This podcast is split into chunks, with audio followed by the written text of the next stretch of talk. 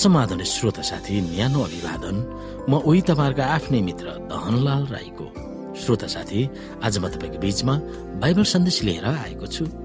आजको बाइबल सन्देशको शीर्षक रहेको छ लोभ गर्नु नै पापको सुरुवात हो त।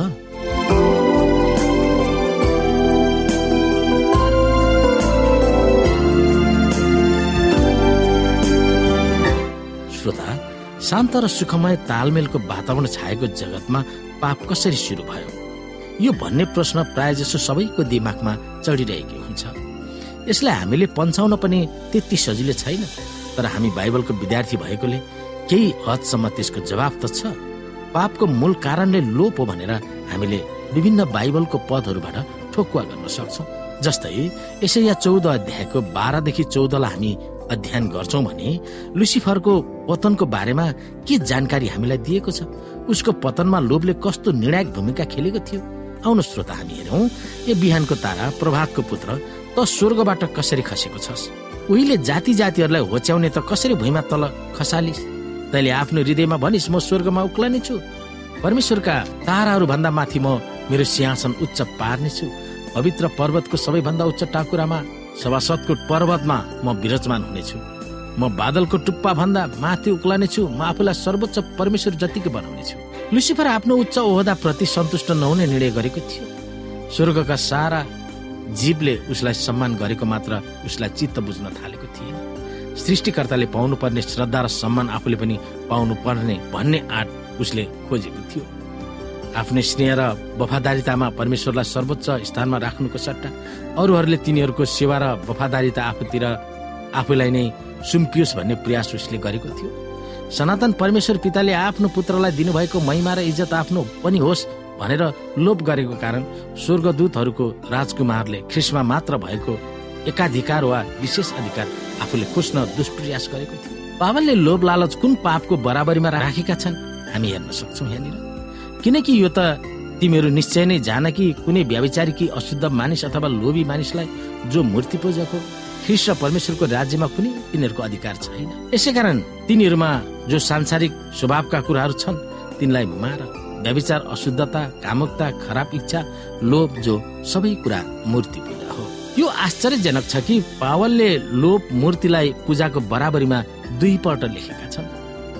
मूर्ति पूजामा मानिसहरूले सृष्टिकर्ता परमेश्वरलाई भन्दा अरू कुनै थोक वा आफूहरूले नै सिर्जना गरेका थोक उपलब्धि वा सामग्रीहरूलाई भगवान भनेर पूजा वा सम्मान गर्छन्? जुन सम्मान र श्रद्धा परमेश्वरले पाउनु पर्दछ हामीमा नहुनु पर्ने कुराको चाहना गर्नु पनि लोभ गर्नु हो। त परमेश्वरको चाहनालाई भन्दा वा हाम्रो हृदयलाई उहाँमा केन्द्रित गर्नुभन्दा अरू कुराको तीव्र चाहना गर्नु भनेको पनि त्यो पनि मूर्ति पूजा नै हो। आफ्नो गलत चाहना र लोभले आफूलाई कहाँतिर लैजान्छ भन्ने कुरालाई लुसिफरले दबाएको थिएन। यही कुरो हामीमा पनि हुनु पर्दछ लोभको विरुद्धमा दिएको आज्ञाले हाम्रो सोच विचारको सरासर भण्डाफोर गर्दछ। त्यही लोभको सोचमा पर्दा र त्यसलाई कार्यान्वयन गर्दा हामी अरू सबै आज्ञाहरूलाई भङ्ग गर्छौँ। दाउद र बेचेवाको मामिलाले यो भनाइ पुष्टि पनि गर्दछ। आउनु श्रोता हामी दुई समूहल एघारमा हेरौँ। श्रोता साथी यहाँ लेखिएको छ वसन्त ऋतुमा जब राजाहरू लडाइँ गर्नलाई निस्कन्छन् दाउदले युवाप र आफ्ना अरू अधिकृतहरू र सबै इसरायलका फौजलाई पठाए। तिनीहरूले अम्मुनीहरूलाई ध्वस्त पारे र रब्बालाई घेरे तर दाउद चाहिँ एरिसिलेममा नै रहे।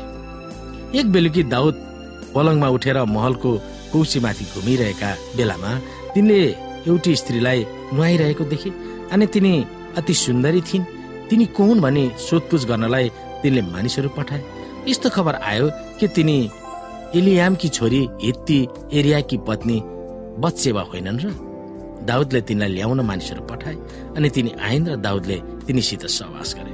तिनले आफ्नो रजसोलाको बेलापछि आफैलाई शुद्ध पारेकी थिइन्। त्यसपछि तिनी आफ्नो घरमा गइन्। तिनी गर्भवती भइन् र तिनले गर्भवती भए भनेर दाउदलाई समाचार पठाए। दाउदले हित्ती उरियालाई मका पठाइदिनु भनेर युआपलाई हुकुम गरे। तब युआपले त्यसलाई दाउद कहाँ पठाइदिए? अनि जब उरिया आइपुग्यो तब दाउदले युआप र फौजको समाचार र लडाईँ कस्तो चलिरहेको छ भनेर सोधे। त्यसपछि दाउदले उरियालाई भने तिम्रो घर गएर आफ्ना खुट्टा धौ। त्यो महलबाट निस्केपछि राजाले त्यसको पछि पछि उपार पठाइदिए। तर उरिया आफ्नो घरमा गएन। राजाका दासहरूसँग महलको मूल ढोकामै सुते। उरिया त आफ्नो घरमा गएको छैन भनी दाउदले सुनेपछि त्यसलाई भने तिमी त लामो यात्राबाट आएका होइनौ र तिमी किन आफ्नो घरमा गएनौ?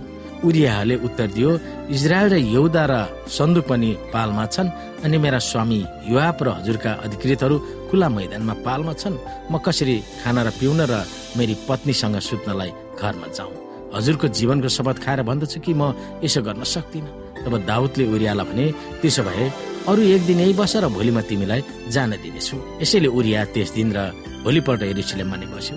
दाउदले त्यसलाई खानपान गर्नलाई निम्ति दिए र त्यसलाई मत्याए तर बेलुकी त्यो बाहिर गयो र राजाका दासहरूसितै आफ्नो ओछ्यानमा त्यसले रात बिताएर घरमा गएन। भोलिपल्ट बिहान दाउदले युवापलाई एउटा चिठी लेखेर उरियाका हातमा पठाए। तिनले चिठीमा लेखे शत्रुकै मुखमा जहाँ लडाई खुब मचिएको छ त्यहाँ उरियालाई पठाएर तिमीहरू चाहिँ पछि हट र त्यो मरोस्। श्रोता साथी हामी यहाँबाट बुझ्न सक्छौ कि यो अवस्थामा दाउदले पनि केही लोप गरेका छन् र हामी यहाँ बुझ्न सक्छौ कि दाउदले अर्काकी पत्नीको लोप गरेको छ। त्यसै कारणले लोप लालचबाट सुरक्षित हुन पावलले हामीलाई के अर्थ दिन्छन्? सन्तुष्टि सहितको भक्ति नै ठुलो लाभ हो। किनकि हामीले न त संसारमा केही ल्यायौँ न यहाँबाट केही लैजान नै सक्छौँ। तर खाना र लाउनसम्म छ भने हामी यसैमा सन्तुष्ट हुनु पर्दछ भनेर एक तिमथी छ अध्यायको छदेखि आठमा हामीलाई सम्झाउँछन्। हामीले यो कुरा दाउद र बेचसेवाको मामिलामा यी कुराहरू हेर्यौँ